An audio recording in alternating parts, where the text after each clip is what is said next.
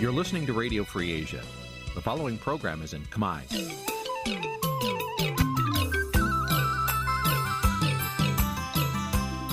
Nǐ chi càm bi tiệp xáy vệt chiu a zì sê ray នេះជាកម្មវិធីផ្សាយរបស់ Vithu Azisari ជាភាសាខ្មែរ វត្តឈូអាស៊ីសេរីសូមស្វាគមន៍លោកអ្នកនាងទាំងអស់ពីរដ្ឋធានី Washington នៃសហរដ្ឋអាមេរិក ចាប់ពីរដ្ឋធានី Washington នាងខ្ញុំម៉ៅសុធានី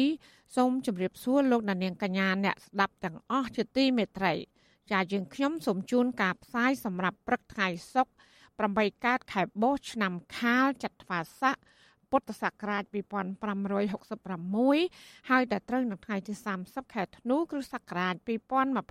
2022ជាដំបូងនេះសូមអញ្ជើញលោកអ្នកនាងកញ្ញាស្ដាប់ព័ត៌មានប្រចាំថ្ងៃដែលមានមេត្តាដូចតទៅ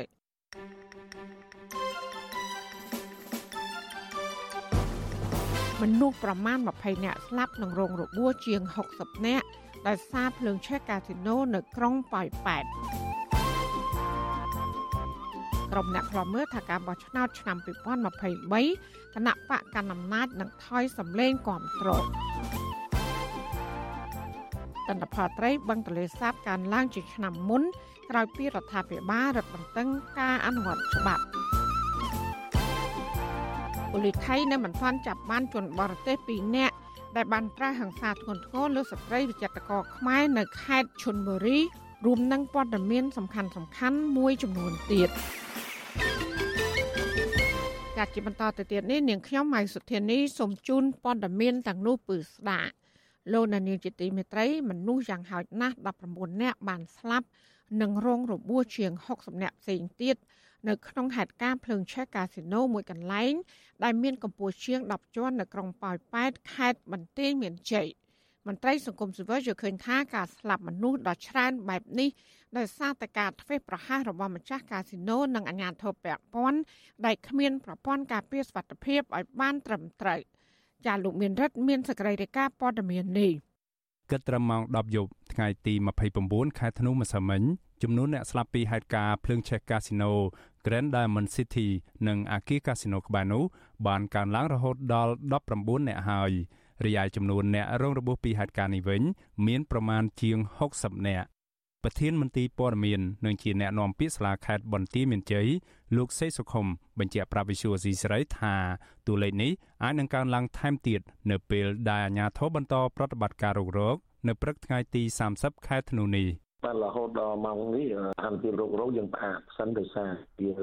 ដែលមានកម្ពស់ខ្ពស់ខ្ពស់ហើយយើងខ្លាចភ្លើងទាំងអស់អញ្ចឹងលំនិតក្នុងការរោគរោគក៏បានស្អាតអសន្នទៅចាំពេលព្រឹកស្អីរហូតដល់ទូលើយើងនៅរក្សាដដែលគឺស្លាប់19នាក់ហើយរបួសជាង60នាក់ ហើយនៅក្នុងអន្តរាគមមិនទាន់តាមយត្តគណៈកម្មការគ្រប់គ្រងគ្រោះមហន្តរាយគឺថៃបានជួយនោះគឺអ្នករងគ្រោះរត់ទៅលើដំបូលគេយើងបានជួយសង្គ្រោះតាមយត្តកម្មប្រកចាណាខ្សែយោងដងសស៊ូដែលយើងនឹងធ្វើសិសំណងខ្ពស់ខ្ពស់នោះជួយបានជាង50នាក់ដែរលោកសេកសុខុមបន្តថាសមាជិកនឹងមិនទាន់អាចដឹងជាក់លាក់ថាតើក្នុងចំណោមតួលេខនៃជនរងគ្រោះទាំងនេះមានជនជាតិណាខ្លះនោះទេ លោកថាក្នុងចំណោមជនរងគ្រោះ30នាក់ដែលរងរបួសធ្ងន់ហើយត្រូវបានបញ្ជូនទៅព្យាបាលនៅស្រុកអរញ្ញខេត្តស្រះកែវនៃប្រទេសថៃមានជនជាតិថៃម្នាក់បានស្លាប់រីឯអ្នកស្លាប់ដែលត្រូវបានរកឃើញនៅកន្លែងកាត់ហេតុវិញអាជ្ញាធរនៅមិនទាន់ធ្វើកោសលវិច័យនៅឡើយទេខណៈអ្នករងរបួសផ្សេងទៀតត្រូវបានបញ្ជូនទៅព្យាបាលនៅមន្ទីរពេទ្យក្នុងក្រុងប៉ោយប៉ែត ចំនួនអ្នកស្លាប់ខ្លះដែលអ្នកលោតបតីបន្ថែមពីលើអាគារខ្ពស់មកក្រោមតែគាត់រងគ្រោះបាក់ជើងបែបហ្នឹងក៏យើងបានដឹងចំនួនហ្នឹងយើងមិនទាន់ដោយសារតែគាត់ធ្វើការនៅកាស៊ីណូហ្នឹងមានច្រើនជាតិសាសន៍មានទាំងខ្មែរមានទាំងថៃមានទាំងម៉ាឡេស៊ីវៀតណាមអីចឹងណាទៅខ្ញុំអត់ទាន់និយាយបានដាច់ទេហ្នឹង បើតាមមន្ត្រីសាលាខេត្តបន្ទាយមានជ័យរូបនេះស្ថានភាពនៃការជួយសង្គ្រោះជួបការលំបាកដោយសារតែអាគារកាស៊ីណូខ្ពស់ហើយបន្ទប់ក្នុងកាស៊ីណូប្រើសោអគិសនីដែលត្រូវជាប់គាំងនៅពេលដាច់ភ្លើង លោកសេសុខុមបញ្ជាក់ថាអាញាធរនៅមិនទាន់អាចវិតម្លៃពីផលខូចខាត និងចំនួនបុរដ្ឋដែលបាត់ខ្លួននៅឡើយទេខណៈនៅមុនហេតុការណ៍ភ្លើងឆេះនេះអាគារកាស៊ីណូទាំងពីរនេះមានបុគ្គលិកបម្រើការងារនិងស្នាក់នៅប្រមាណជា400នាក់ដោយឡែកចៅសង្កាត់អូជ្រៅលោកវ៉ាជីមណារ៉េតប្រាប់វិសុយស៊ីស្រីថា ហេតុការណ៍ភ្លើងឆេះនេះបណ្ដាលមកពីផ្ទុះសេខ្សែភ្លើង នៅលើពីដានអាគារកាស៊ីណូហើយក៏បានឆេះឆ្លងតពីអាគារមួយទៅអាគារមួយចំនួនទៀតតែទៅយើងមិនអាចទៅនេះបានឃើញវាឆេះលឿនពេកបងព្រោះអាអាគារហ្នឹងវាមិនមែនជាបេតុងអាគារវាប្រើអាជញ្ជាំងអីស្មាតអាមានកដាស់មានអីគេបិទនោះមានលាយដែកអលុយមញោមនោះអញ្ចឹងបានឆេះលឿនណាស់វាជាជាតិកដាស់ជាតិជ័រ ឥឡូវកម្លាំងរាវអាញាធរនិងកម្លាំងសមត្ថកិច្ចនិងកម្លាំងបោះថៃដែលកំពុងសង្គ្រោះនិងយកសាកសពនៅកំពុងដំណើរការនៅឡើយបន្ភ្លើងវាឆេះខាងក្នុងនៅតែហុយដដែលអត់ទាន់លួតទោះជាយ៉ាងណាមន្ត្រីសម្របសម្រួលនៃសមាគមការពារសិទ្ធិមនុស្សអាត6ប្រចាំខេត្តបន្ទាយមានជ័យ លោកស៊ុំច័ន្ទគាមើលឃើញថាការស្លាប់មនុស្សដ៏ច្រើននេះកើតឡើងដោយសារការធ្វេសប្រហែសរបស់ម្ចាស់កាស៊ីណូនិងអាជ្ញាធរពាក់ព័ន្ធដែលមិនបានធ្វើប្រព័ន្ធការពារសុវត្ថិភាពឲ្យបានត្រឹមត្រូវដើម្បីជំនះមនុស្សក្នុងពេលមានអាសន្នមើលឃើញថានៅពេលបញ្ហាកើតឡើងគឺដាច់ភ្លើងហើយដាច់ភ្លើងហើយសូម្បីក៏ដឹងអត់រូសូម្បីទេអ្វីអ្វីសម្រាប់ជួយដល់ពួកគាត់គឺអត់មានទាំងអស់មានតែពួកគាត់អង្គុយលើយើងឃើញនៅគេថតហ្នឹងឃើញអង្គុយលើពអួចហ្នឹងបក់ដៃឲ្យជួយផងនឹងហើយឲ្យជួយផងទៅវិញអញ្ចឹងហើយនៅលើហ្នឹងគឺត្រូវមានគណៈកម្មការចំពោះកិច្ចមួយ ដើម្បីរកស៊ើបអង្កេតឲ្យបានច្បាស់ថាតើកាស៊ីណូកើតឡើងហ្នឹងធ្វើទៅតាមស្តង់ដារអត់ហើយមានប្រព័ន្ធសុវត្ថិភាពដល់បុគ្គលិកអត់ព្រោះថាដោយសារមិនបើសិនតែ កាស៊ីណូនឹង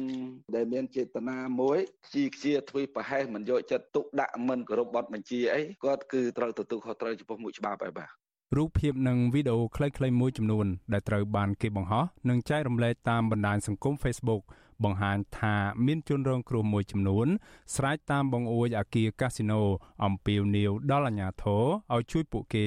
និងខ្លះទៀតបានលោតទម្លាក់ពីលើអាគារកាស៊ីណូដោយសារតែពួកគេមិនអាចទ្រាំនឹងកម្ដៅនិងផ្សែងភ្លើងពីខាងក្នុងអាគារបានក្រៅពីអ្នករងរបួសនិងស្លាប់ក្នុងហេតុការណ៍ភ្លើងឆេះកាស៊ីណូចំនួន3អគារនៅក្រុងប៉ោយប៉ែត ក៏មានមនុស្សជាច្រើនអ្នកបាត់ខ្លួននិងរោគមិនទាន់ឃើញនៅឡើយទេបងថ្លៃជនរងគ្រោះម្នាក់ដែលធ្វើការនៅក្នុងអគារ Casino Grand Diamond City លោកហៀងប៊ុននឿនថ្លែងថាប្អូនស្រីរបស់លោកធ្វើការផ្នែកបោសសម្អាតនៅក្នុងអគារ Casino មួយនេះហើយបានបាត់ខ្លួនតាំងពីយប់ថ្ងៃកើតហេតុរហូតមកដល់ពេលនេះរោគមិនទាន់ឃើញនៅឡើយទេ លោកបន្តថាប្អូនរបស់លោកពុំដឹងថាជាប់គាំងនៅលើអគារឬត្រូវបានអាជ្ញាធរបញ្ជូនទៅ សង្គ្រោះបន្ទាន់នៅប្រទេសថៃយ៉ាងណានោះទេ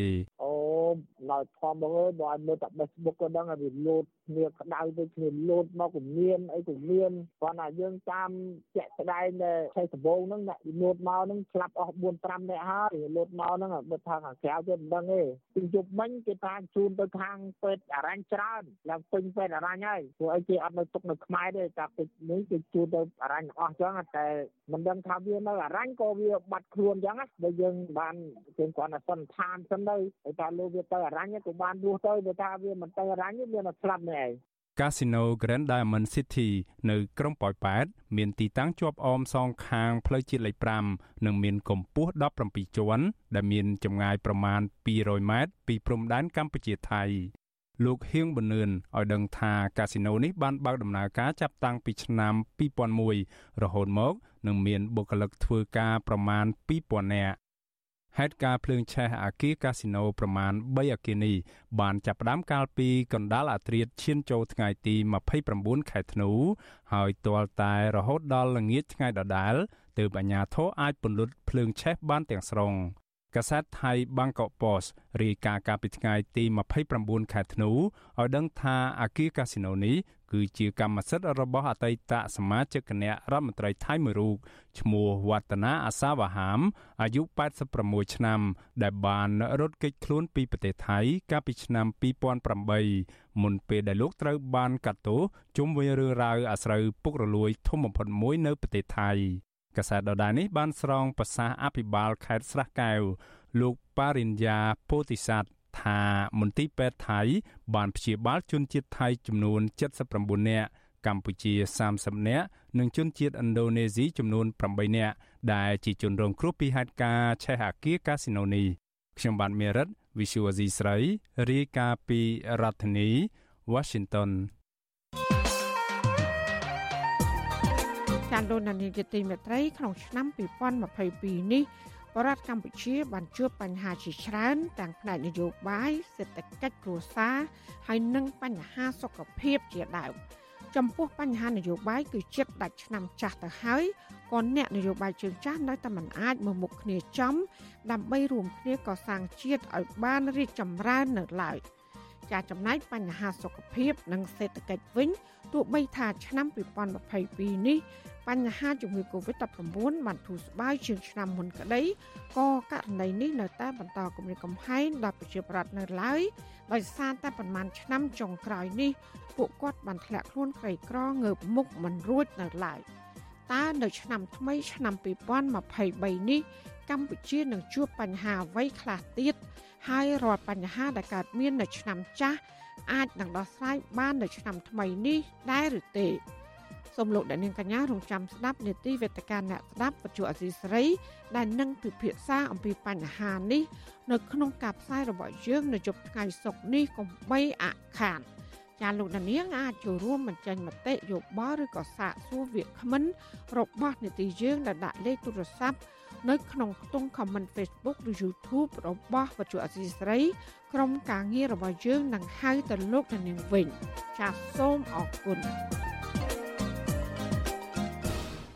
លោកនានីជាទីមេត្រីក្រុមអ្នកខ្លាំមើលលើកឡើងថាការបោះឆ្នោតឆ្នាំ2023ខាងមុខគណៈបកប្រជាជនកម្ពុជានឹងបាត់បង់ការគ្រប់គ្រងមួយចំនួនធំ ដែលมันអាចធ្វើឲ្យគណៈបកកណ្ដាលអំណាចចាស់ភាសាមួយនេះដឹកនាំប្រទេសដល់ឯកបកបានទៀតឡើយ ប៉ុន្តែអ្នកនាំពាក្យគណៈបកប្រជាជនកម្ពុជាទទួលស្គាល់ថា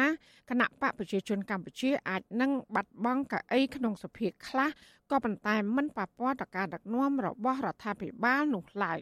ចាសសូមលោកដានីកញ្ញារងចាំស្ដាប់សេចក្តីរាយការណ៍ពិស្ដារអំពីរឿងនេះនាពេលបន្តិចទៀតនេះ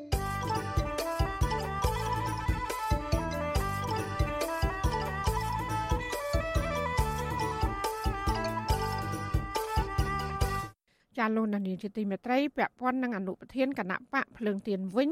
លោកសុនឆៃរក្សាចំហជួបបំភ្លឺតឡាការកំពូល ដែលជាសវនាការលើបណ្ដឹងសារទុករបស់លោក បន្ទាប់ពីតឡាការថ្នាក់ក្រោមបានកាត់ក្តីឲ្យលោកចាញ់គណៈបកប្រជាជនកម្ពុជា និងគណៈកម្មាធិការជាតិរៀបចំការបោះឆ្នោតកោជបមន្ត្រីសង្គមស៊ីវិលដែលតាមដានដំណើររឿងនេះយកឃើញថាប៉ះសិនបើស្ថានភាពនយោបាយដោយសពថ្ងៃនេះ លោកសុនឆៃពិបាកនឹងទទួលបានយុត្តិធម៌ពីតឡាការណាស់ចានេះគឺជាសកម្មភាពរបស់លោកសនចន្ទរដ្ឋាជំនាញព័ត៌មាននេះដូចតទៅតឡាការកម្ពុជាជាកន្លែងយុតិធធចុងក្រោយសម្រាប់អនុប្រធានគណៈបកភ្លឹងទៀនលោកសុនឆៃស្វែងរកយុតិធធប្រសិនបើតឡាការកម្ពុជានៅតែសម្រេចក្តីដោយតឡាការចន្ទទៀបដដែលលោកសុនឆៃនឹងត្រូវបង់ប្រាក់ជំងឺចិត្តទៅកាន់គណៈបកកណ្ដាលអំណាច1លានដុល្លារប៉ុន្តែប្រសិនបើតឡាការកម្ពុជាសម្រេចតល់ចោលការសម្រេចរបស់តឡាការចន្ទទៀប លោកសុនឆៃឲ្យរផុតពីការចោទប្រកាន់ថ្លែងប្រាប់វិទ្យុអេស៊ីសេរីថ្ងៃទី29ខែធ្នូលោកសុនឆៃថាលោកគ្មានជំនឿចិត្តលើប្រព័ន្ធយុតិធធសប្តាហ៍នេះទេប៉ុន្តែលោកនឹងព្យាយាមទាមទារយុតិធធពីតុលាការគ្រប់ជាន់ថ្នាក់ឲ្យអស់ពីលទ្ធភាពអ្នកនយោបាយជើងចាស់លោកសុនឆៃក៏ត្រៀមខ្លួនចូលបំភ្លឺក្នុងសវនកម្មនៅតុលាការកំពូលនាពេលខាងមុខនេះដែរ មិនមានជំនឿទេប៉ុន្តែគ្រាន់តែធ្វើឲ្យអស់នីតិវិធីបាទបានខ្ញុំនឹងចូលជាជានិច្ចគ្រូខ្ញុំបានសម្រេចចិត្តហើយថាយើង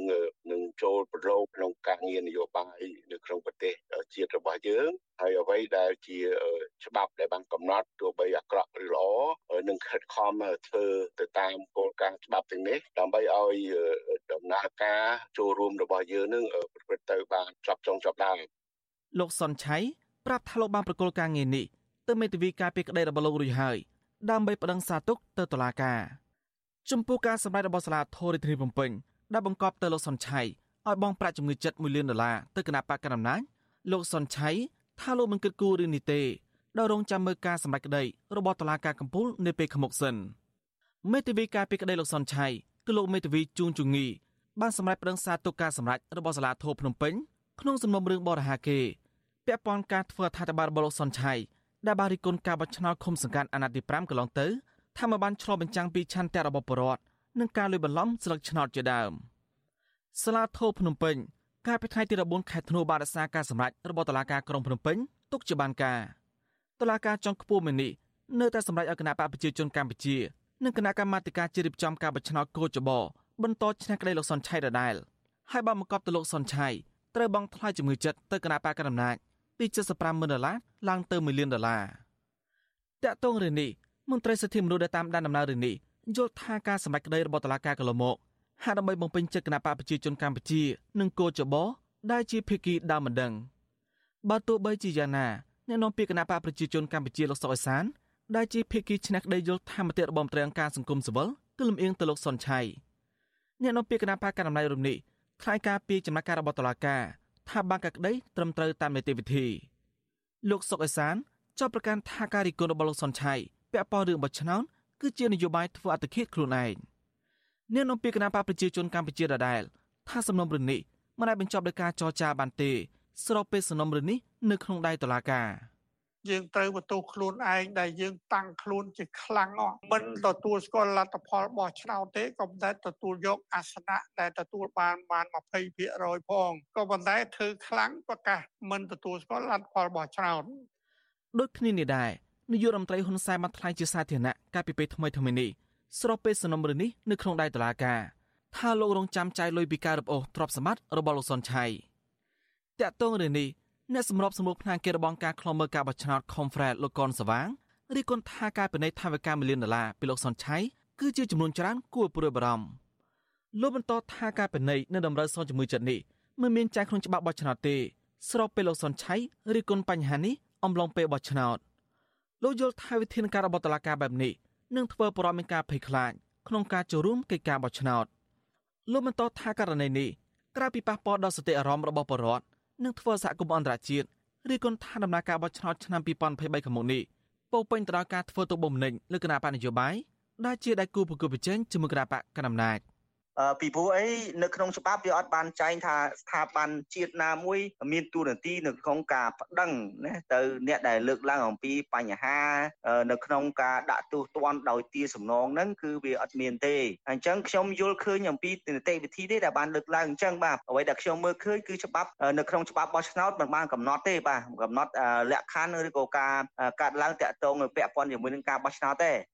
ទ្រព្យសម្បត្តិរបស់លោកសុនឆៃ ដែលបកកណ្ដាលអំណាចទន្ទឹងរង់ចាំរឹបអូយនោះគឺដីផ្ទះរបស់សុនឆៃចំនួន2កន្លែងមួយកន្លែងនៅក្រុងភ្នំពេញហើយមួយកន្លែងទៀតនៅខេត្តសៀមរាបបើទោះបីជាយ៉ាងណាលោកសុនឆៃថាបើតឡាការកម្ពុជាមិនផ្ដល់យុត្តិធម៌ដល់លោកទេលោកនឹងជជែកជាមួយមេធាវីការពីក្តីនិងជាមួយគណៈបកភ្លើងទៀនដើម្បីដោះស្រាយបញ្ហាសំណង1លានដុល្លារនេះដោយសារអ្វីដែលលោកលើកឡើងក្នុងនាមជាថ្នាក់ដឹកនាំគណៈបកភ្លើងទៀនហើយជាការនិយាយដើម្បីការពារប្រយោជន៍ប្រជាពលរដ្ឋដើម្បីឲ្យមានការកែតម្រង់បញ្ហាបោះឆ្នោត ខ្ញុំសនចាររថាវិទ្យុអេស៊ីសេរីរាយការណ៍ពីរដ្ឋធានីវ៉ាស៊ីនតោន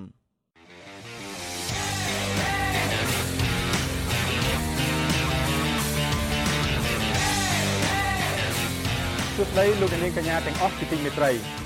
ក្នុងឋានៈដែលយើងត្រៀមខ្លួន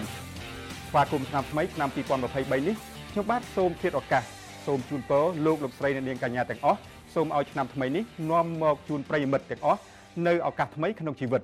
និងសូមលោកលោកស្រី បានសម្រេចនៅសេចក្តីប្រងប្រាថ្នាក្នុងឆ្នាំថ្មីនេះចា៎នាងខ្ញុំសូមអរគុណចំពោះភក្ដីភាពនិងការគ្រប់គ្រងរបស់លោកនាងកញ្ញាដែលបានធ្វើឲ្យបច្ចុប្បន្នស៊ីស្រី ជាជំរើសទី1ក្នុងចំណោមស្ថាប័នផ្សព្វផ្សាយព័ត៌មានឯករាជ្យលោកអ្នកនាងមានជំរើសច្រើនណាស់នៅក្នុងការទទួលបានព័ត៌មាននៅក្នុងយុគសម័យបច្ចេកវិទ្យាជឿនលឿនបែបនេះក៏ប៉ុន្តែការនៅតែបន្តចូលគ្រប់គ្រង ចែកចាយនិងស្ដាប់ការផ្សាយរបស់យើងគឺជាកម្លាំងចិត្តដ៏មោះមុតសម្រាប់យើងទាំងអស់គ្នាហើយនេះក៏ជាការឆ្លុះបញ្ចាំងថាយើងបានបំពេញបេសកកម្មជាអ្នកយកព័ត៌មានជូនដល់លោកអ្នកនាងកញ្ញាទាំងអស់បាទទោះជាយ៉ាងនេះក្តីយើងនៅតែខិតខំកែច្នៃផ្លាស់ប្ដូរកម្មវិធីរបស់យើងឲ្យសមស្របទៅតាមការរីកចម្រើននៃបច្ចេកវិទ្យា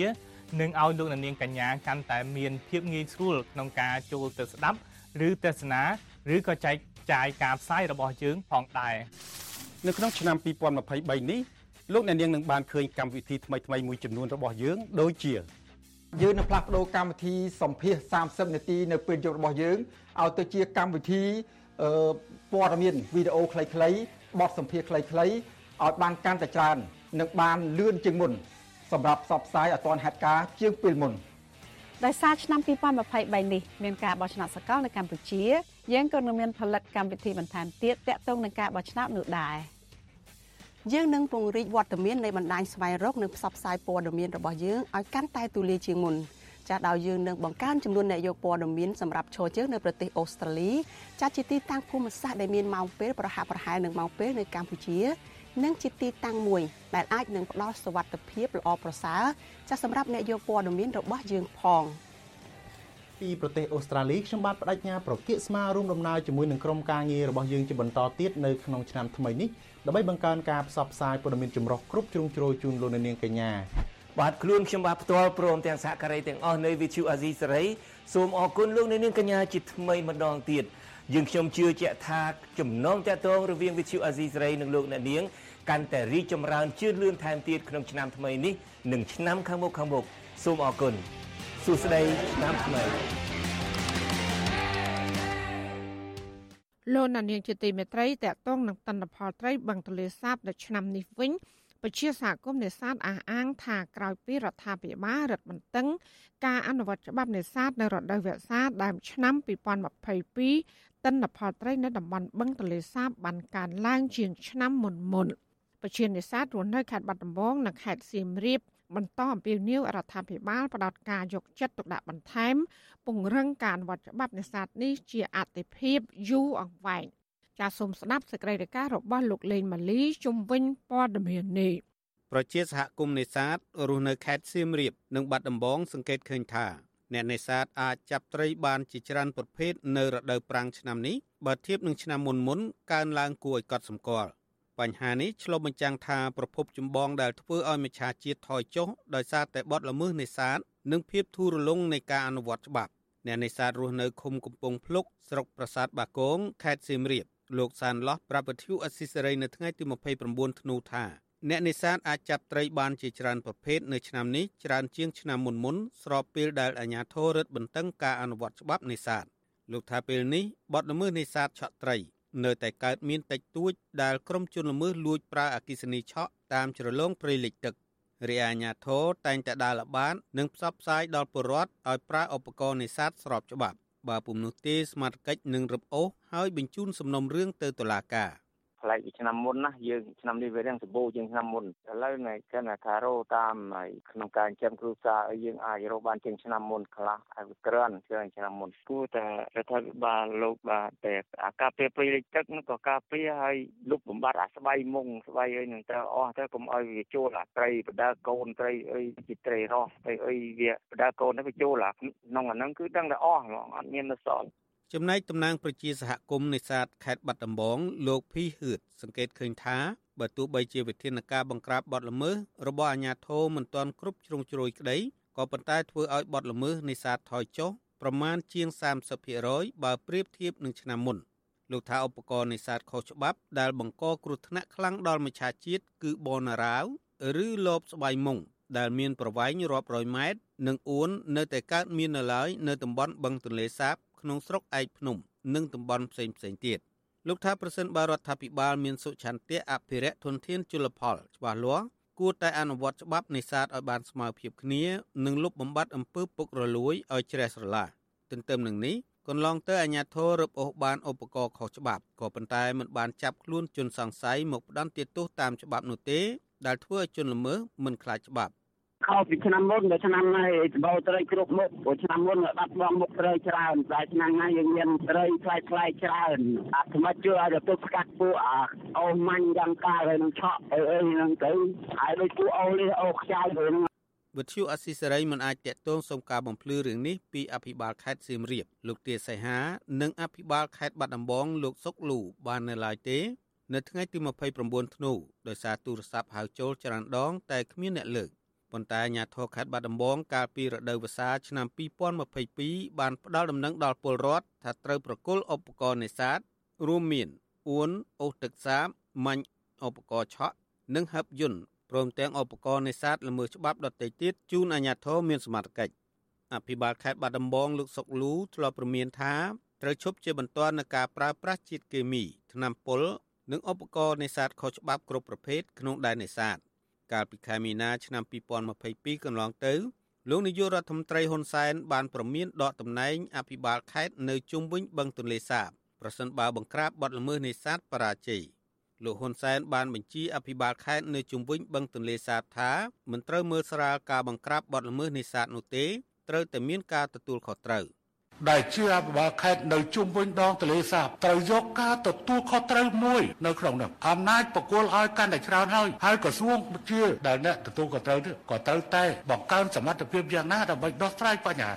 ជុំវិញរឿងនេះប្រធានផ្នែកកម្មវិធីស្រាវជ្រាវនិងតស៊ូមតិនៃសមាគមបណ្ដាញយុវជនកម្ពុជាលោកហេងកំហុងសន្និដ្ឋានថាការផុតពូជត្រីកម្រនិងការធ្លាក់ចុះទិន្នផលត្រីកន្លងទៅគឺដោយសារបទល្មើសនេសាទ ដែលទាមទាររដ្ឋាភិបាលរកមធ្យោបាយដោះស្រាយឲ្យមានប្រសិទ្ធភាពយូរអង្វែងដូច្នេះដើម្បីជំរុញកំណើនត្រីឬក៏កំណើនធនធានមច្ឆជាតិរបស់យើងឡើងវិញហ្នឹងរដ្ឋាភិបាលនឹងអាចជំរុញបន្ថែមទៀតនៅក្នុងការបិទលូនេសាទឬក៏ការនេសាទខុសច្បាប់វាអាចនឹងធ្វើឲ្យកម្ពុជា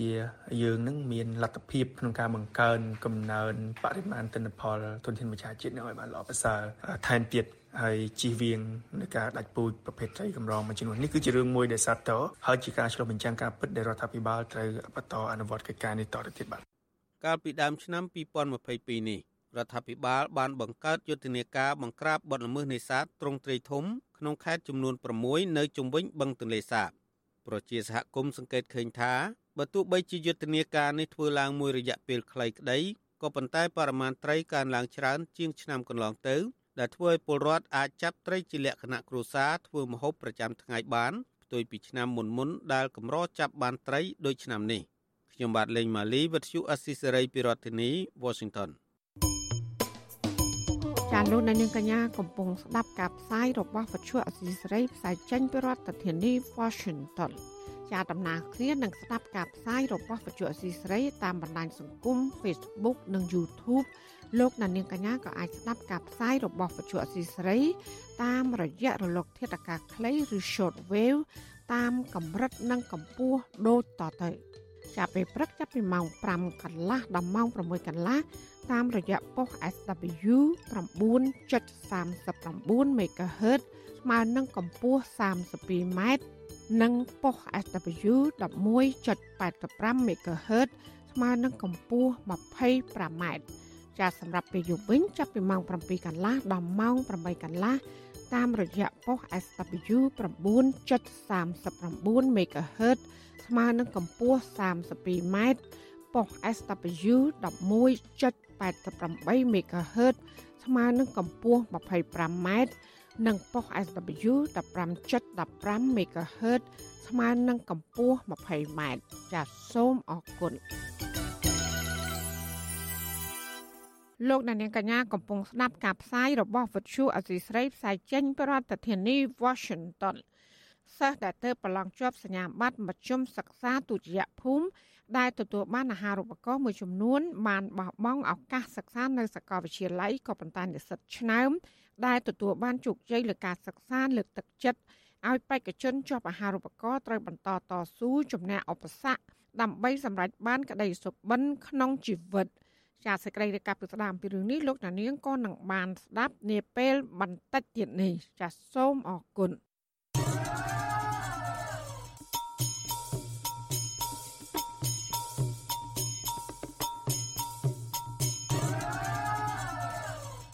ចាលោកអ្នកស្ដាប់យុតិមេត្រីដែលឡែកពាក់ព័ន្ធនឹងអក្រិតជនជួញដូរគ្រឿងញៀនកម្លាំងសមត្ថកិច្ចនគរបាលជាតិបានចាប់បានអក្រិតជន3នាក់និងកំពុងតាមរកខ្មាន់កំភ្លើងម្នាក់ទៀត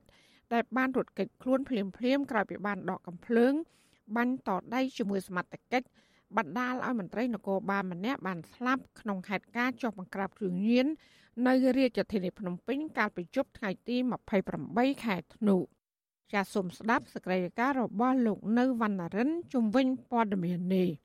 អគ្គលេខាធិការនៃអគ្គលេខាធិការដ្ឋានអាជ្ញាធរជាតិប្រយុទ្ធប្រឆាំងនឹងគ្រឿងញៀនលោកមាសវិរិទ្ធប្រាប់វិទ្យុអាស៊ីសេរីកាលពីថ្ងៃទី29ខែធ្នូថាសមត្ថកិច្ចកំពុងបើកការស៊ើបអង្កេតតាមចាប់ខ្លួនខ្មាន់កំភ្លើងរូបនោះហើយទោះយ៉ាងណាលោកថាសមត្ថកិច្ចបានសាកសួរជនសង្ស័យដែលសមត្ថកិច្ចបានចាប់ខ្លួនដើម្បីមានតម្រុយបន្ថែមនៅក្នុងការពន្លឿននីតិវិធីតាមចាប់ខ្មាន់កំភ្លើងរូបនោះ ចំណែកដល់តដៃជាមួយសមត្ថកិច្ចរត់គេក្នុងទីកំពង់ច្បារតាមរកយើងបានកំណត់អត្តសញ្ញាណបានមួយចំនួនហើយជារូបភាព កាលពីយប់ថ្ងៃទី28ធ្នូកម្លាំងមន្ទីរជំនាញនៃអគ្គស្នងការដ្ឋាននគរបាលជាតិបានបង្ក្រាបក្រុមអ ுக ្រិតជនជួញដូរគ្រឿងញៀនមួយក្រុមរហូតដល់ចំណុចផ្លូវ60ម៉ែត្រស្ថិតនៅក្នុងខណ្ឌដង្កោរាជធានីភ្នំពេញក្រុមអ ுக ្រិតជនទាំងនោះបានដកកំភ្លើងបាញ់រះជាច្រើនគ្រាប់តដៃជាមួយនឹងសមត្ថកិច្ចបណ្ដាលឲ្យមន្ត្រីនគរបាលឈ្មោះមិចឆាយវិភ័យដេកស្លាប់ក្នុងថ្លុកឈាម លោកមាសវិរិទ្ធបញ្ជាក់ថាសមត្ថកិច្ចបានឃាត់ខ្លួនជនសង្ស័យជនជាតិវៀតណាម2នាក់និងខ្មែរម្នាក់ចំណែកឯខ្មាន់កំភ្លើងបានរត់គេចខ្លួនភ្លាមភ្លាមក្រោយបាញ់តដៃកម្លាំងចុះបង្ក្រាបលោកមាសវិរិទ្ធបានឲ្យដឹងទៀតថាគ្រឿងញៀនដែលសមត្ថកិច្ចរឹបអូសបានជាប្រភេទកេតាមីននិងកេតាំហ្វេតាមីនឬអ៊ៃសចំនួន2ដុំព្រមទាំងអាវុធមួយចំនួនផង លោកអំពីវនីវដល់កម្លាំងសមត្ថកិច្ចត្រូវបង្កើនការប្រុងប្រយ័ត្នព្រោះលោកថាក្រុមអ ுக ្រិតជន ពួកគេហ៊ានធ្វើសកម្មភាពគ្រប់បែបយ៉ាង នៅក្នុងគ្រាដែលសមត្ថកិច្ចចុះបង្ក្រាបក្រុមអ ுக ្រិតជនតែងតែប្រើប្រាស់គ្រប់វិធីបាយក្នុងការតដៃជាមួយសមត្ថកិច្ចសមត្ថកិច្ចត្រូវតែបង្កើនការប្រុងប្រយ័ត្នប៉ុន្តែទោះបីយើងបង្កើនការប្រុងប្រយ័ត្នក៏យើងនៅអាចមកខ្វះខាត ពីព្រោះក្រមអក្រិតជនវាមានវាក៏មានបពពួកមានក៏មានគ្នាច្រើនដែរហើយសមត្ថកិច្ចយើងវាពេលដែលចោះអនុវត្តគឺចោះអនុវត្តទៅគោរពទៅតាមច្បាប់ទៅតាមទួលនីតិនិងគោរពសិទ្ធិមនុស្សឯពួកក្រមអក្រិតជនវាអត់មានគោរពសិទ្ធិអ្នកណាទេគឺវាត្រូវតដៃតដៃតែម្ដងហើយភាគច្រើនក្រមអក្រិតជននឹងមានអាវុធជុំវិញរឿងនេះមន្ត្រីសង្គមស៊ីវិលសោកស្ដាយចំពោះមន្ត្រីនគរបាលដែលបានស្លាប់នៅក្នុងហេតុការណ៍បង្ក្រាបគ្រឿងញៀន នាយកទទួលបន្ទុកកិច្ចការទូតនៃអង្គការលីកាដូលោកអំសំអាតជំរុញដល់រដ្ឋាភិបាលត្រូវបង្កើននៅកិច្ចសហប្រតិបត្តិការក្នុងការបង្ក្រាបក្រុមអ ுக ្រិតជនបន្ថែមទៀតបញ្ហាមួយទៀតត្រូវតែទប់ស្កាត់នៃការចរាចរណ៍និងការជួញដូរអាវុធដោយខុសច្បាប់ពីព្រោះអក្រិតជនដែលធ្វើការជួញដូរគ្រឿងញៀនមានអាវុធភ្ជាប់នឹងខ្លួនដែរការត្រួតពិនិត្យនិងការទប់ស្កាត់ការជួញដូរអាវុធជាតិផ្ទុះយើងនៅមានភាពធូររលុងហើយជនបរទេសអាចឆ្លៀតឱកាសក្នុងការប្រើប្រាស់អាវុធដោយខុសច្បាប់បាននៅកម្ពុជាអានឹងវាជាការលក្ខណៈមួយបង្កភាពអសន្តិសុខនិងភាពភ័យខ្លាចសម្រាប់សង្គមជាតិក៏ដូចជាប្រជាពលរដ្ឋចំណុចនេះយើងត្រូវតែមានការទប់ស្កាត់ទាំងពីរចំណែកអ្នកវិភាគនយោបាយលោកកឹមសុខមើលឃើញថាកម្ពុជាក្រោមការដឹកនាំរបស់លោកហ៊ុនសែនបានកើតមាននៅបាត់ល្មើសឧក្រិដ្ឋកម្មជាច្រើន ជាពិសេសឧក្រិដ្ឋកម្មគ្រឿងញៀនដែលបន្តហូរមកកម្ពុជាជាហូរហែលោកកឹមសុខចោទថាមូលហេតុករណីគ្រឿងញៀននៅកម្ពុជាបន្តកើតមានឡើងកាន់តែច្រើន ទំនងមានមនុស្សចំណិតរបស់លោកហ៊ុនសែននៅពីក្រោយខ្នងរបស់ពួកអ ுக ្រិតជនទាំងនោះ លោកហ៊ុនសែនគាត់មានមនុស្សចំណិតចំណិតច្រើនណាស់ដែលសុទ្ធតែមានអំណាចនិងសេរីភាពរកស៊ីលៀងលុយកខ្វក់ជាក់ស្ដែង យើងឃើញហើយតាមរយៈក្រសួងកសិកម្មនិងក្រសួងពាក់ព័ន្ធគេដឹកសារធាតុផលិតថ្នាំញៀនចូលកម្ពុជាម្ដងម្ដងរាប់រយតោនរកអ្នកទទួលខុសត្រូវពិតមិនឃើញទេ យើងសួរថាថ្នាំញៀនទាំងនោះយកទៅធ្វើអ្វីចាប់មិនបានផងហ្នឹងគឺលក់យកលុយហើយលុយនោះចូលនរណាត្រង់នេះយើងគួរតែដឹងហើយបើរកអ្នកទទួលខុសត្រូវមិនទាំងឃើញផងហ្នឹង នេះមិនមែនជាលើកទី1ទេដែលកងកម្លាំងសមត្ថកិច្ចត្រូវបានជន់ល្មើសបាញ់តដៃបណ្ដាលឲ្យស្លាប់ជាញឹកញយរាល់ពេលសមត្ថកិច្ចចុះបង្ក្រាបករណីជួញដូរគ្រឿងញៀនទ្រង់ទ្រាយធំធំម្ដងម្ដងក្រុមអ ுக ្រិតជនមួយចំនួនតែងតែមានកំភ្លើងបាញ់តទល់ជាមួយនឹងសមត្ថកិច្ចវិញ។ ជាក់ស្ដែង កាលពីខែមេសាឆ្នាំ2022កន្លងទៅ មេប៉ុស្តិ៍ឃុំទួលព្រិចស្រុកអង្គស្នួរខេត្តកណ្ដាលត្រូវបានអ ுக ្រិតជនបាញ់ស្លាប់នៅក្នុងពេលចុះបង្ក្រាបក្រុមជនល្មើសមួយក្រុមធ្វើសកម្មភាពជួញដូរគ្រឿងញៀននៅក្នុងព្រៃមួយកន្លែងនៅក្នុងភូមិចន្ទ្រាថ្មីឃុំទួលពេជ្រស្រុកអង្គស្នួលខេត្តកណ្ដាល ដោយឡែកកាលពីខែមិថុនាកន្លងទៅសមត្ថកិច្ចម្នាក់នៅក្នុងខេត្តព្រះសីហនុត្រូវបានជន់ល្មើសជនជាតិចិនមួយក្រុមបាញ់បាក់ជើងក្នុងគ្រាចោះបង្ក្រាបករណីជួញដូរគ្រឿងញៀននិងកាន់កាប់អាវុធខុសច្បាប់ គិតត្រឹមចុងខែធ្នូឆ្នាំ2022នេះអាជ្ញាធររឹបអូសគ្រឿងញៀនបានជាង5តោនចំណែកកាលពីថ្ងៃទី26ខែមិថុនាវិញអាជ្ញាធរប្រយុទ្ធប្រឆាំងនឹងគ្រឿងញៀនបានដុតបំផ្លាញសារធាតុញៀននិងសារធាតុគីមីសរុបជាង6តោនក្នុងចំណោមវត្ថុតាងគ្រឿងញៀនសារធាតុគីមីផ្សំនិងសារធាតុគីមីពាក់ព័ន្ធផ្សេងផ្សេងដែលរឹបអូសបានសរុបជិត1000តោនខ្ញុំបាទនៅវណ្ណរិន With Chu Azizi Saray ពីរដ្ឋធានី Washington ចាលោកណានីជាទីមេត្រីពីប្រទេសថៃឯនោះវិញប៉ូលីសថៃនៅតែមិនទាន់ចាប់បានជនសង្ស័យជាជនបរទេស2នាក់ដែលបានធ្វើទរណកម្មនឹងជះទឹកអាស៊ីតលើស្ត្រីវិចិត្រករខ្មែរកាលពីដើមខែវិច្ឆិកានៅខេត្តឈុនបុរីនៅឡើយទេមន្ត្រីសង្គមស៊ីវិលថាស្ថានទូតខ្មែរនៅប្រទេសថៃត្រូវប្រឹងប្រែងសហការជាមួយប៉ូលីសថៃដើម្បីចាប់ជនដៃដល់រកយុត្តិធម៌ឲ្យស្ត្រីខ្មែររងគ្រោះ ចាសសូមលោកនាងស្ដាប់សេចក្តីរាយការណ៍របស់លោកជាតិចំណានគិតមកដល់ពេលនេះគឺជាង40ថ្ងៃហើយដែលប៉ូលីសថៃចេញលិខិតស្នើទៅប៉ូលីសអន្តរជាតិអង្គតាប៉ូដើម្បីតាមចាប់ខ្លួនបរិសុទ្ធពលលួយ2នាក់ដែលបានវាយធ្វើបាបស្ត្រីដែលជាជាងគំនូខ្មែរនៅប្រទេសថៃប៉ុន្តែនៅមិនទាន់ចាប់បានជនល្មើសនៅឡើយទេស្ត្រីវិចិត្រករខ្មែរមានស្រុកកំណើតនៅភ្នំពេញដែលធ្វើការជាជាងគំនូនៅប្រទេសថៃប្រមាណ2ឆ្នាំគឺកញ្ញានីស្រីរតប្រាប់វិសុអេស៊ីសរ៉ៃនៅថ្ងៃទី29ខែធ្នូថា កញ្ញាបានតាក់ទងទៅប៉ូលីសថៃដែលតាមដានករណីរបស់នាងហើយអាជ្ញាធរមិនបានឆ្លើយតបនោះទេប៉ុន្តែមេធាវីដែលជាជនជាតិថៃរបស់កញ្ញាប្រាប់ថាសមត្ថកិច្ចកំពុងស៊ើបអង្កេតលើករណីនេះតែទោះជាយ៉ាងណាកញ្ញាស្នើដល់ស្ថានទូតខ្មែរនិងរដ្ឋាភិបាលខ្មែរឲ្យខិតខំសហការជាមួយនឹងសមត្ថកិច្ចថៃបន្ថែមទៀតដើម្បីរកអ្នកនៅពីក្រោយរឿងនេះព្រោះកញ្ញាជឿថាបរិសុទ្ធពលលុញទាំងពីរនាក់នោះពិតជាត្រូវបានគេជួលឲ្យមកធ្វើបាបកញ្ញា សូមជួយឲ្យខាងប៉ូលីសនឹងបើអាចចង់និយាយថាបើអាចចាប់រកឃើញរកឃើញកាន់តែលឿននោះកាន់តែល្អចាស់ណាបងអញ្ចឹងខ្ញុំមានអារម្មណ៍ថាសេរីភាពច្រើនជាងតែឥឡូវនឹងយើងនៅតែប្រភេទលក្ខណៈថារស់នៅវាមើលលើមើលក្រោមមើលឆ្វេងស្ដាំទៅមុខទៅក្រោយមុនហ៊ានមកចាហ៊ានមកចាហ៊ានណាបងយើងអត់ដឹងថាគេកម្រងធ្វើអីទៀតទៅស្ត្រីវិចិត្រកររូបនេះឲ្យដឹងថាមុខរបួស បានជាសះស្បើយជាង90%ហើយប៉ុន្តែនាងនៅតែបន្តលេបថ្នាំជារៀងរាល់ថ្ងៃហើយនាងនៅតែមិនអស់ចិត្តនៃការប្រើអំពើហិង្សាមកលើរាងកាយរបស់កញ្ញាព្រោះនាងមិនដែលមានគំនុំជាមួយអ្នកណានោះទេតែទោះជាយ៉ាងណាកញ្ញាសង្ស័យថាករណីនេះអាចជាការប្រច័ណ្ឌរបស់ស្ត្រីបរទេសម្នាក់ដែលមិនបានរួមរស់នឹងសង្សាររបស់គេហើយចោទកញ្ញាជាអ្នកបំបាយបំបាក់ពួកគេកញ្ញានីស្រីរតបញ្ជាក់ថានៅថ្ងៃកើតហេតុគឺថ្ងៃទី1ខែវិច្ឆិកាមានស្ត្រីជនជាតិបរទេសម្នាក់ទូរស័ព្ទហៅកញ្ញាឲ្យទៅគូគំនូលើជញ្ជាំងក្នុងហាង ដែលគេទើបនឹងបើកថ្មីនៅខេត្តឈុនបុរីតែលុះទៅដល់កន្លែងកើតហេតុស្ត្រីបរទេសនោះឲ្យបរិសុទ្ធជនជាតិពលលួយ2នាក់មកទទួលកញ្ញាហើយបរិសុទ្ធទាំងពីរនាក់នោះក៏បានចាប់កញ្ញាធ្វើបាបតែម្ដងជនដៃដល់បានយកកំបិតចាក់លើដងខ្លួនរបួសជាង260ធ្នេនិងបានជះទឹកអាស៊ីតរដ្ឋលេខាធិការក្រសួងមហាផ្ទៃនិងជាអនុប្រធានអចិន្ត្រៃយ៍នៃគណៈកម្មាធិការជាតិប្រយុទ្ធប្រឆាំងការជួញដូរមនុស្សអ្នកស្រីជូប៊ុនអេង ប្រាប់វិសុអេស៊ីស្រីថាអ្នកស្រីមិនទាន់ទទួលបានដំណឹងបន្ថែមពីស្ថានទូតខ្មែរនៅថៃពាក់ព័ន្ធនឹងរឿងនេះនៅឡើយទេអ្នកស្រីបន្តថាសមត្ថកិច្ចកម្ពុជាបានសហការជាមួយនឹងសមត្ថកិច្ចថៃដើម្បីចាប់ជនល្មើសមកសាកសួរ ថ្ងៃមុនតែគេខាងអដេញភាគីថៃហ្នឹងគេសហការជាមួយយើងឲ្យមានកិច្ចការពារទៅដល់ជនរងគ្រោះទៅដល់គ្រួសារជនរងគ្រោះហ្នឹងហើយខាងគេនោះគេការពារតាមផ្លូវតុលាការពីព្រោះរឿងហ្នឹងវាកើតនៅក្នុងប្រទេសថៃអញ្ចឹងវាត្រូវខាងអដេញតុលាការថៃហ្នឹងគេចាត់វិធានការជុំវិញរឿងនេះដែរប្រធានអង្គការសង្ត្រាល់លោកមឿងដុល្លារលើកឡើងថាអាញាធរកម្ពុជាមិនគួរនៅស្ងៀមរងចាំសមត្ថកិច្ចថៃនោះទេត្រូវប្រឹងប្រែងជំរុញទៅប្រទេសថៃ ដើម្បីតាមចាប់ជនល្មើសមកផ្ដន់ទាទោសតាមច្បាប់នៅប្រទេសថៃលោកបញ្ជាក់ថាកម្ពុជាក៏អាចស្នើទៅប្រទេសប៉ូឡូញឬប៉ូលីសអន្តរជាតិឲ្យស៊ើបអង្កេតលើករណីនេះដើម្បីឲ្យជនរងគ្រោះទទួលបានយុត្តិធម៌ចំណុចទី2អាចដាក់ទៅដល់ប៉ូលីសអង្គតពលបើសិនជាជននឹងគាត់ធ្វើដំណើរទៅកន្លែងណាមួយអញ្ចឹងទៅអាចប៉ូលីសអង្គតពលតាមចាប់ជននឹងអញ្ចឹងណាបាទតោះតែធម្មតាដែរនឹងតោះតែយើង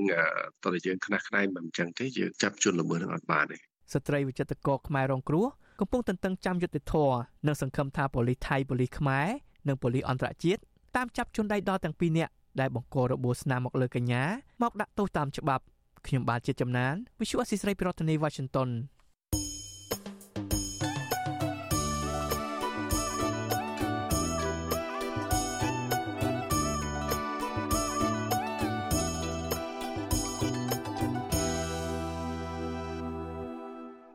ចាលោកនានីជាទីមេត្រីក្រុមអ្នកឃ្លាំមើលលើកឡើងថា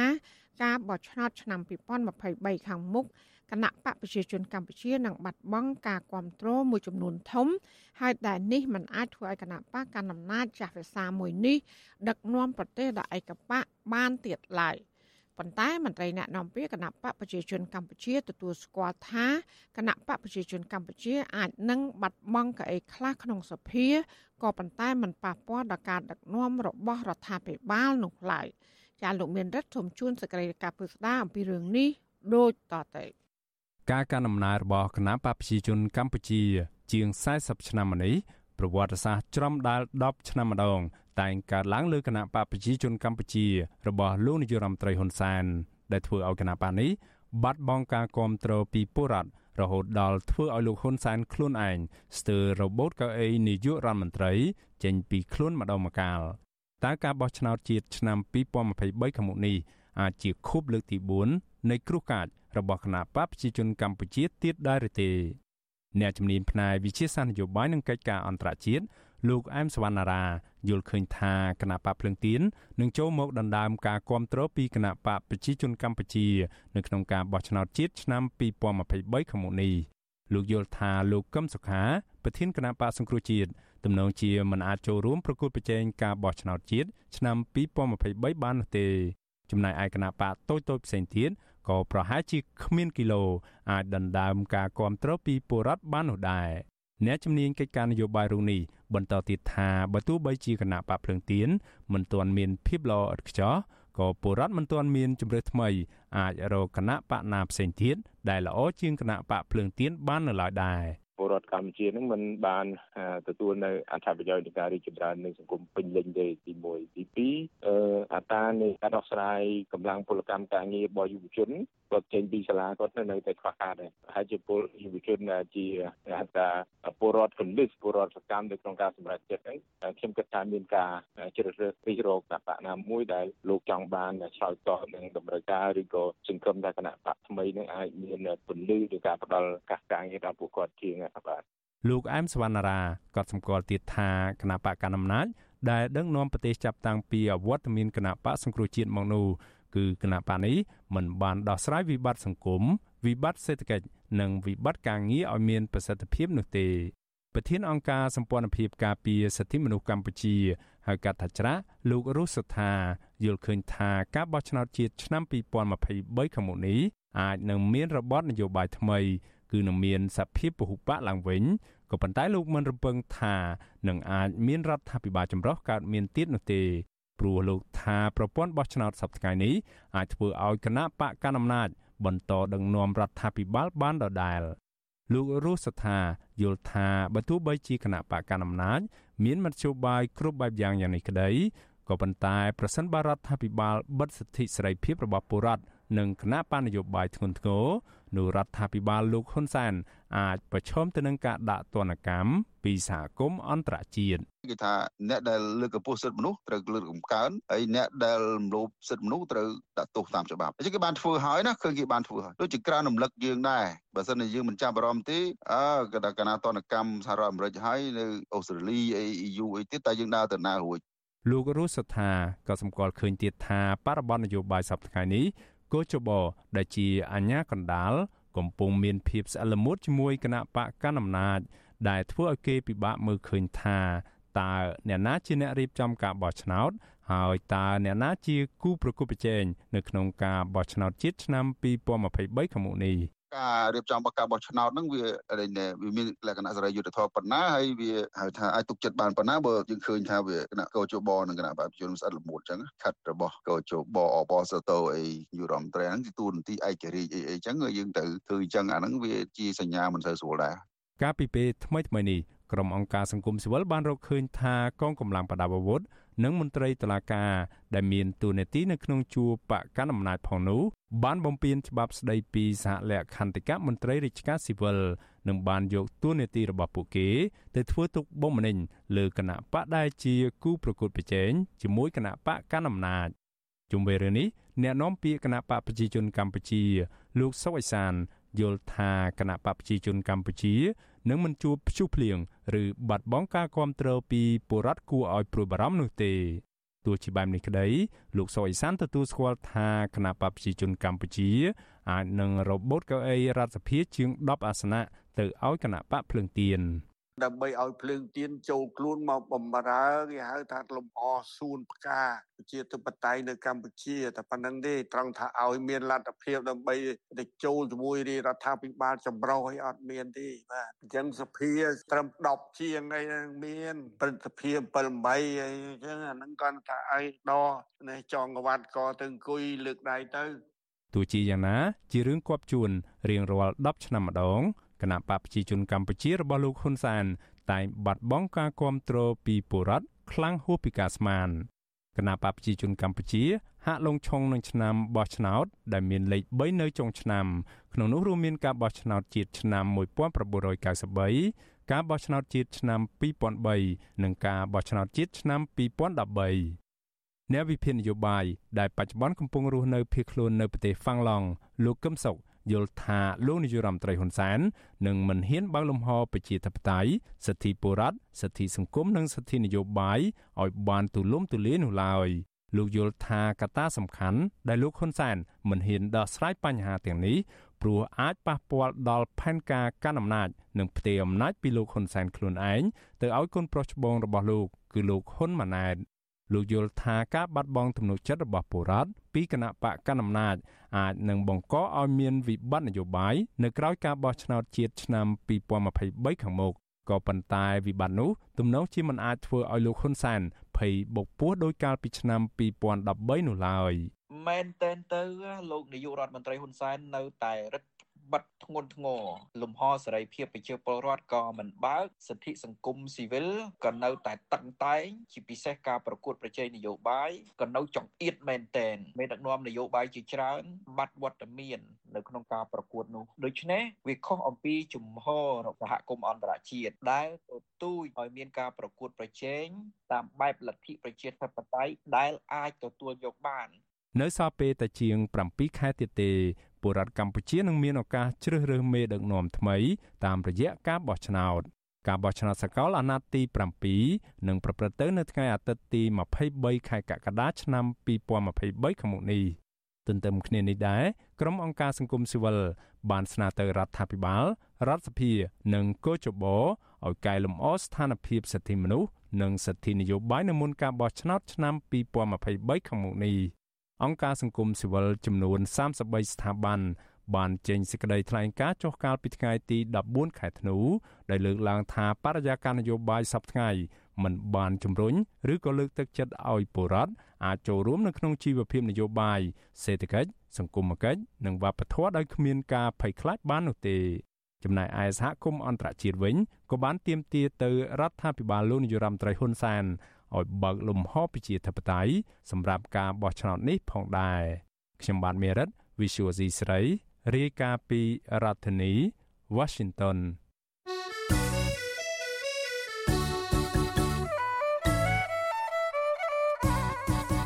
ាលោកនានីជាទីមេត្រីវិទ្យុអសិស្រ័យសូមជូនដំណឹងថាយើងគ្មានអ្នកយកព័ត៌មានប្រចាំនៅប្រទេសកម្ពុជានោះឡើយចាបើសិនជាមានជនណាម្នាក់ អះអាងថាទីអ្នកយកព័ត៌មានឲ្យវិទ្យុអសិស្រ័យនៅកម្ពុជា នោះគឺជាការក្លែងបន្លំយកឈ្មោះរបស់វិទ្យុអសីស្រីក្នុងគោលបំណងទុច្ចរិតណាមួយរបស់បុគ្គលនោះចាសសូមអរគុណ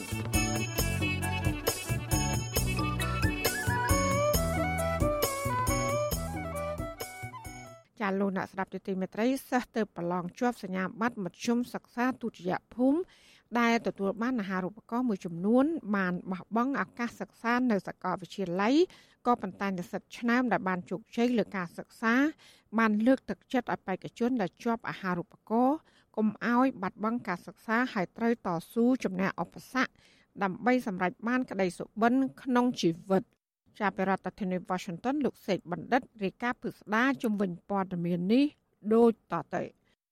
សិស្សានុសិស្សដែលបានប្រឡងជាប់បាក់ឌុប និងទទួលបានអាហារូបករណ៍ដើម្បីបន្តការសិក្សានៅតាមគ្រឹះស្ថានឧត្តមសិក្សាមួយចំនួន បានត្អូញត្អែថាពួកគាត់ប្រឈមមុខបោះបង់ឱកាសបន្តការសិក្សាដោយសារបញ្ហាគ្រួសារមានជីវភាពខ្វះខាតសិស្សជនជាតិដើមភាគតិចចរាយរៀននៅវិទ្យាល័យបកែវខេត្តរតនគិរីកញ្ញារចំភ្លីប្រាប់វិទ្យុអាស៊ីសេរីនៅថ្ងៃទី28ធ្នូថាកញ្ញាប្រឡងជាប់និតិស៊ី និងទទួលបានអាហារូបករណ៍នៅសាកលវិទ្យាល័យភូមិន្ទភ្នំពេញទោះយ៉ាងណាក្តីកញ្ញាថាគ្មានសង្ឃឹមដើម្បីបានទៅរៀនបន្តឡើយដោយសារគ្រួសារកញ្ញា មានជីវភាពខ្វះខាតកញ្ញាយល់ថាថ្មីត្បិតតែការសិក្សានៅសាកលវិទ្យាល័យ4ឆ្នាំមិនបង់ប្រាក់ពិតមែនប៉ុន្តែកញ្ញាត្រូវការចំណាយលើបន្ទប់ជួលយានជំនិះនិងសម្ភារៈសិក្សាផ្សេងៗទៀត ទីមួយគឺយើងយើងស្រីផងអញ្ចឹងបើទៅនំពេញយើងម្នាក់ឯងចឹងមានពិបាកអត់មានគ្នាអីចឹងបងហើយតកតងថាវិការក៏យើងខ្វះខាតដែរអញ្ចឹងយើងយើងចូលអាហារូបករណ៍មានប៉ុន្តែដល់ពេលកន្លែងស្នាក់នៅឬក៏កន្លែងហូបចុកអីចឹងយើងធ្វើចំណេញខ្លួនឯងគ្រួសារអត់ទៅមានទេបងយើងយើងលំបាកដែរស្រដៀងគ្នានេះដែរសិស្សនៅវិទ្យាល័យឈើទាលជ្រុំខេត្តតាកែវកញ្ញាផែនស្រីពីន ប្រឡងបាននិទេស B និងទទួលបានអាហារូបករណ៍នៅសាកលវិទ្យាល័យភូមិន្ទភ្នំពេញឲ្យដឹងថាកញ្ញាសម្រេចចិត្តបោះបង់អាហារូបករណ៍ចោលទាំងស្រុងដោយសារជីវភាពខ្វះខាតកញ្ញាថាការរស់នៅដើម្បីសិក្សានៅសាកលវិទ្យាល័យក្នុងរាជធានីភ្នំពេញត្រូវការចំណាយប្រាក់ច្រើនហើយកញ្ញាបារម្ភពីសុវត្ថិភាពព្រោះគ្មានសាច់ញាតិរស់នៅភ្នំពេញឡើយ ពីដំបូងហ្នឹងខ្ញុំគិតថាខ្ញុំអត់អាចទៅរៀនតដូចកូនគេបានដោយសារតែលទ្ធភាពគ្រួសារអត់តើលើនឹងខ្ញុំបានអាហារូបករណ៍ហើយប៉ុន្តែខ្ញុំថានៅតែអត់អាចទៅរៀនបានដូចគេឧស្សាហ៍តាជាភាពគ្រួសារគាត់អត់សំបីតាថ្លៃទឹកថ្លៃភ្លើងហើយចាយវាពេលទៅរៀននៅសាកលក៏ខ្ញុំអត់អាចមានលទ្ធភាពរកបានក្រៅពីសិស្សទាំងពីររូបនេះ ក៏មានសិស្សានុសិស្សជាច្រើនទៀតកំពុងប្រឈមមុខនឹងបញ្ហាបោះបង់ចោលការសិក្សាដូចគ្នាពួកគាត់លើកឡើងពីបញ្ហាប្រហាក់ប្រហែលគ្នា ថាបញ្ហាកត្តាជីវភាពគ្រួសារធ្វើឲ្យពួកគាត់គ្មានលទ្ធភាពបង់ថ្លៃសាលា បន្ទប់ស្នាក់នៅ អាហារហូបចុក និងគ្មានលទ្ធភាពទិញសម្ភារៈសិក្សាជាដើមទោះយ៉ាងនេះក្តីក៏មានអតីតនិស្សិតក្រីក្រមួយចំនួន ដែលបានចាក់ចេញពីផ្ទះដើម្បីបន្តការសិក្សា នៅរាជធានីភ្នំពេញ និងនៅក្រៅប្រទេសមួយចំនួន បានចែករំលែកបទពិសោធន៍និងលើកទឹកចិត្តដល់សិស្សានុសិស្សដែលបានប្រឡងជាប់ថ្នាក់វិទ្យាល័យឲ្យតស៊ូបន្តការសិក្សាបន្តទៀតអតីតនិស្សិតក្រីក្រជនជាតិដើមគួយ មានស្រុកកំណើតនៅក្នុងស្រុកថ្លាបរិវត្តខេត្តស្ទឹងត្រែងនិងបច្ចុប្បន្នជាអ្នកនិពន្ធលោកប៊ិនយ៉ានយល់ឃើញថា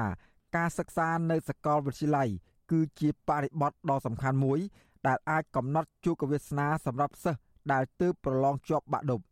លោកសំណូមពរឲ្យសិស្សានុសិស្សនៅតាមខេត្តតំបន់ដាច់ស្រយាលដែលប្រឡងជាប់បាក់ឌុបឬក៏ធ្លាក់បាក់ឌុបក៏ដោយត្រូវតែតស៊ូរៀនសូត្របន្តទៀតដើម្បីឲ្យមានអនាគតភ្លឺស្វាងបងប្អូនកុំបោះបង់ទៅតាមការបញ្ឈប់របស់ឪពុកម្ដាយឬក៏សាច់ញាតិបងប្អូនត្រូវគិតថាអនាគតរបស់យើងគឺវែងឆ្ងាយយើងបានតស៊ូ រៀនរយៈពេល12ឆ្នាំហើយរឿងអីដែលយើងត្រូវបោះបង់4ឆ្នាំទៀតបងប្អូនដែលជាសិស្សនារីគូតែទំនាក់ទំនងទៅកន្លែងវិហារយេស៊ូឬក៏សហការមួយមិត្តភ័ក្តិដែលគេមានទុនធានមួយចំនួនហ្នឹងសុំគេស្នាក់នៅកន្លះខែបើអត់មានទេអាចទំនាក់ទំនងមកខ្ញុំបានអភ័យខ្ញុំមានយ៉ាងអាចបងប្អូនអាចទំនាក់ទំនងទៅខ្ញុំកន្លែងខ្ញុំសម្រាប់ផ្ដល់ឲ្យនិស្សិតស្នាក់នៅនារីនារីនេះគឺអស់ឲ្យពេញទេប៉ុន្តែខ្ញុំនឹងអាចរកវិហារយេស៊ូឬក៏កន្លែងណាផ្សេងៗទៀតតាមអង្គការផ្សេងៗទៀតឲ្យគាត់អាចបន្តការសិក្សារបស់គាត់បាន លោកប៊ិនយ៉ានបានចែករំលែកបទពិសោធន៍ផ្ទាល់ខ្លួនថាអ្វីត្បិតតែលោកជាក្មេងកំព្រាតាំងពីនៅតូចក្តីក៏លោកមិនដែលបោះបង់ចោលការសិក្សាឡើយលោកទទួលបានអាហារូបករណ៍នៅសាកលវិទ្យាល័យបញ្ញាសាស្ត្រកម្ពុជា នៅឆ្នាំ2013លោកតស៊ូរៀនផង និងឆ្លៀតធ្វើការបន្ថែមក្រៅម៉ោងផងដូចជាទៅធ្វើការងារជាអ្នកកើបសម្រាម និងជាអ្នករត់តុនៅតាមភោជនីយដ្ឋាន ដើម្បីរកប្រាក់ផ្គត់ផ្គង់ការរស់នៅ និងសិក្សារហូតដល់ចប់ថ្នាក់បរិញ្ញាបត្រនិងអនុបណ្ឌិតផ្នែកវិទ្យាសាស្ត្រនយោបាយនៅសាកលវិទ្យាល័យបញ្ញាសាស្ត្រនិងបញ្ចប់បរិញ្ញាបត្រផ្នែកសេដ្ឋកិច្ចនៅសាកលវិទ្យាល័យភូមិន្ទភ្នំពេញនិស្សិតក្រីក្ររូបនេះអះអាងថាដោយសារការតស៊ូពុះពៀដោយមិនរួចរៀននេះហើយបានធ្វើឲ្យលោកទទួលបានឱកាសចេញទៅសិក្សា និងផ្លាស់ប្ដូរបទពិសោធន៍នៅប្រទេសជាច្រើនជុំវិញពិភពលោក ហើយពេលនេះលោកថែមទាំងមានក្រុមហ៊ុនផ្ទាល់ខ្លួនមួយទៀតផង។ លើសពីនេះលោកក៏មានមហិច្ឆតាចង់ក្លាយជានាយករដ្ឋមន្ត្រីនាពេលអនាគតផងដែរដោយបច្ចុប្បន្ននេះលោកកំពុងបន្តការសិក្សាផ្នែកគោលនយោបាយសាធារណៈនៅប្រទេសសិង្ហបុរីនិងចាប់ផ្ដើមចូលប្រឡូកកិច្ចការនយោបាយផងដែរទន្ទឹមគ្នានេះអតីតនិស្សិតក្រីក្រម្នាក់ទៀតដែលបានបញ្ចប់បរិញ្ញាបត្រផ្នែកវិទ្យាសាស្ត្រនយោបាយពីសាកលវិទ្យាល័យមហាจุฬាលង្កនប្រទេសថៃហើយបច្ចុប្បន្ន ជាអ្នកសារព័ត៌មានសម្លេងប្រជាធិបតេយ្យ VOD លោកសុតបានឲ្យដឹងថា ការសិក្សាបន្តនៅគ្រឹះស្ថានឧត្តមសិក្សា គឺជាការតស៊ូផ្លាស់ប្ដូរជីវិតដ៏សំខាន់សម្រាប់មនុស្សម្នាក់ម្នាក់លោកយល់ឃើញថា ការបោះបង់ចោលការសិក្សាដោយសារតែបញ្ហាជីវភាពក្រីក្រនេះមិនមែនជាដំណោះស្រាយល្អឡើយ ក្របប៉ុណ្ណឹងបើសិនជាយើងនៅជាមួយវាប្រកាសជាក្រដដែលប៉ុន្តែបើសិនជាយើងចាក់ឆ្ងាយពីវាទៅរកកន្លែងដែលមានចំណេះដឹងខ្ពស់ខ្ញុំគិតថាភាពក្រីក្រទាំងអស់ហ្នឹងនឹងត្រូវលុបបំបាត់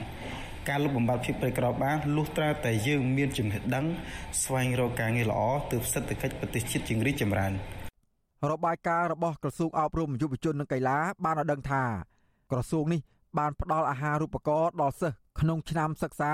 2022នេះនៅតាមគ្រឹះស្ថានឧត្តមសិក្សាសាធារណៈនិងឯកជនចំនួនជិត100000នាក់និងក្រៅប្រទេសចំនួនជាង600កន្លែងអ្នកនាំពាក្យក្រសួងអប់រំយុវជននិងកីឡាលោករស់សុវិចាឲ្យវិទ្យុអាស៊ីសេរីដឹងតាមបណ្ដាញ Telegram ថាការបោះបង់ចោលការសិក្សារបស់សិស្សនេះគឺបណ្ដាលមកពីកត្តាបុគ្គលនិងកត្តាមួយចំនួនទៀតលោកបន្តថាលទ្ធផលបាក់ឌុប ជាចំណុចចាប់ផ្ដើមថ្មីមួយសម្រាប់អ្នកសិក្សាគ្រប់រូបលទ្ធផលបាក់ឌុបមិនគួរជាទីបញ្ចប់នៃការសិក្សាទេលោកថាការសិក្សា គឺជាដំណើរប្រព្រឹត្តទៅពេញមួយជីវិតជុំវិញរឿងនេះទីប្រឹក្សារបស់សមាគមគ្រូបង្រៀនកម្ពុជាឯករាជ្យលោករងឈុនមានប្រសាសន៍ថាការផ្ដល់អាហារូបករណ៍ដល់សិស្សក្រីក្រមួយមុខមិនគ្រប់គ្រាន់ឡើយលោកយល់ឃើញថារដ្ឋាភិបាលគួរតែសម្រួលកន្លែងស្នាក់នៅ ដល់សិស្សនិស្សិត មកពីបណ្ដាខេត្តឆ្ងាយឆ្ងាយជាពិសេសលើកទឹកចិត្តនិងផ្ដល់អាទិភាពឲ្យសិស្សានុសិស្សជាស្ត្រីម្យ៉ាងវិញទៀតរដ្ឋាភិបាល គួរតែចេញសេចក្តីប្រកាសឲ្យម្ចាស់បន្ទប់ជួលយោគយល់និងកំណត់តម្លៃសមរម្យដើម្បីឲ្យសិស្សដែលខ្វះលទ្ធភាពអាចបន្តការសិក្សាបាន។ យើងអាចមករកការងារធ្វើហើយលាបពេលពីការងារយើងរៀនពេលវេនយប់វេនអីចឹងទៅដើម្បីបញ្ចប់នៅថ្នាក់មហាវិទ្យាល័យបានដូចគ្នាដូច្នេះយើងកុំអស់សង្ឃឹមពីព្រោះយើងកូនអ្នកក្រីក្រយើងត្រូវតែលះបង់ត្រូវតែតស៊ូឲ្យច្រើនហើយដូចខ្ញុំក៏លះបង់តស៊ូដូចគ្នាដែរការនៅរៀនបាទបញ្ហាការបោះបង់ចោលការសិក្សា ធ្វើឲ្យសង្គមស៊ីវិលបារម្ភអំពីធនធានមនុស្សនៅកម្ពុជាទៅថ្ងៃក្រោយហើយបញ្ហានេះបណ្ដាលមកពីភាពក្រីក្រ និងខ្វះការគ្រប់គ្រងពីរដ្ឋាភិបាលលើសិស្សក្រីក្រដែលមានវាសនាខុសពីកូនចៅមន្ត្រីក្រាក់ក្រាក់នៅក្នុងជួររដ្ឋាភិបាលដែលមានលទ្ធភាពបញ្ជូនកូនចៅឲ្យទៅរៀនបន្តនៅក្នុងសាលាល្បីៗនៅក្រៅប្រទេសរហូតដល់ថ្នាក់បណ្ឌិត។ កត្តាទាំងនេះបានបង្កឲ្យមានវិសមភាពការអប់រំកាន់តែខ្លាំងឡើងនៅក្នុងសង្គមកម្ពុជាខ្ញុំបាទសេកបណ្ឌិតវុទ្ធុអាស៊ីសេរីពីរដ្ឋធានីវ៉ាស៊ីនតោន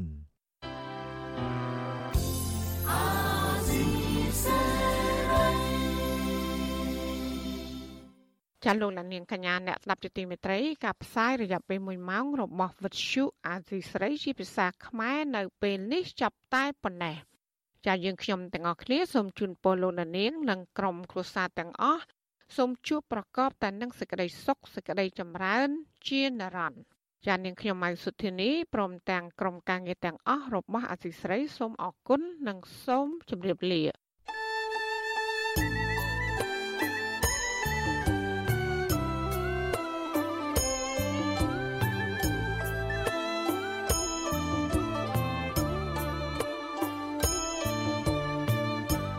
វិទ្យុអាស៊ីសេរីផ្សាយតាមរលកធារកាសខ្លីឬ shortwave តាមកម្រិតនិងកម្ពស់ដូចតទៅនេះពេលព្រឹកចាប់ពីម៉ោង5កន្លះដល់ម៉ោង6កន្លះតាមរយៈប៉ុស SW 9.39 MHz ស្មើនឹងកម្ពស់ 32m និងប៉ុស SW 11.85 MHz ស្មើនឹងកម្ពស់ 25m ពេលយប់ចាប់ពីម៉ោង7កន្លះដល់ម៉ោង8កន្លះតាមរយៈប៉ុស SW 9.39 MHz ស្មើនឹងកម្ពស់ 32m ប៉ុស SW 11.88 MHz ស្មើនឹងកម្ពស់ 25m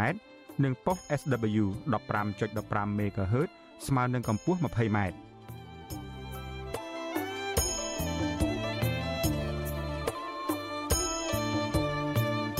លោកអ្នកនាងក៏អាចស្ដាប់ការផ្សាយផ្ទាល់តាមប្រព័ន្ធអ៊ីនធឺណិតដោយចូលទៅកាន់គេហទំព័រ www.rfa.org/ ខ្មែរក្រៅពីនេះលោកអ្នកនាងក៏អាចអាននិងទស្សនាព័ត៌មានវិទ្យុអេស៊ីសេរីលើទូរស័ព្ទដៃរបស់លោកអ្នកផ្ទាល់សូមលោកអ្នកនាង ចូលទៅកាន់កម្មវិធី Facebook រួចស្វែងរកពាក្យ RFA ខ្មែរនិង YouTube ដោយស្វែងរកពាក្យ RFA ខ្មែរ សូមលោកអ្នកនាងចុច like និងចុច subscribe ដើម្បីទទួលបានព័ត៌មានថ្មីៗតាន់ហេតុការនិងទស្សនាវីដេអូផ្សេងៗទៀតបានគ្រប់ពេលវេលា។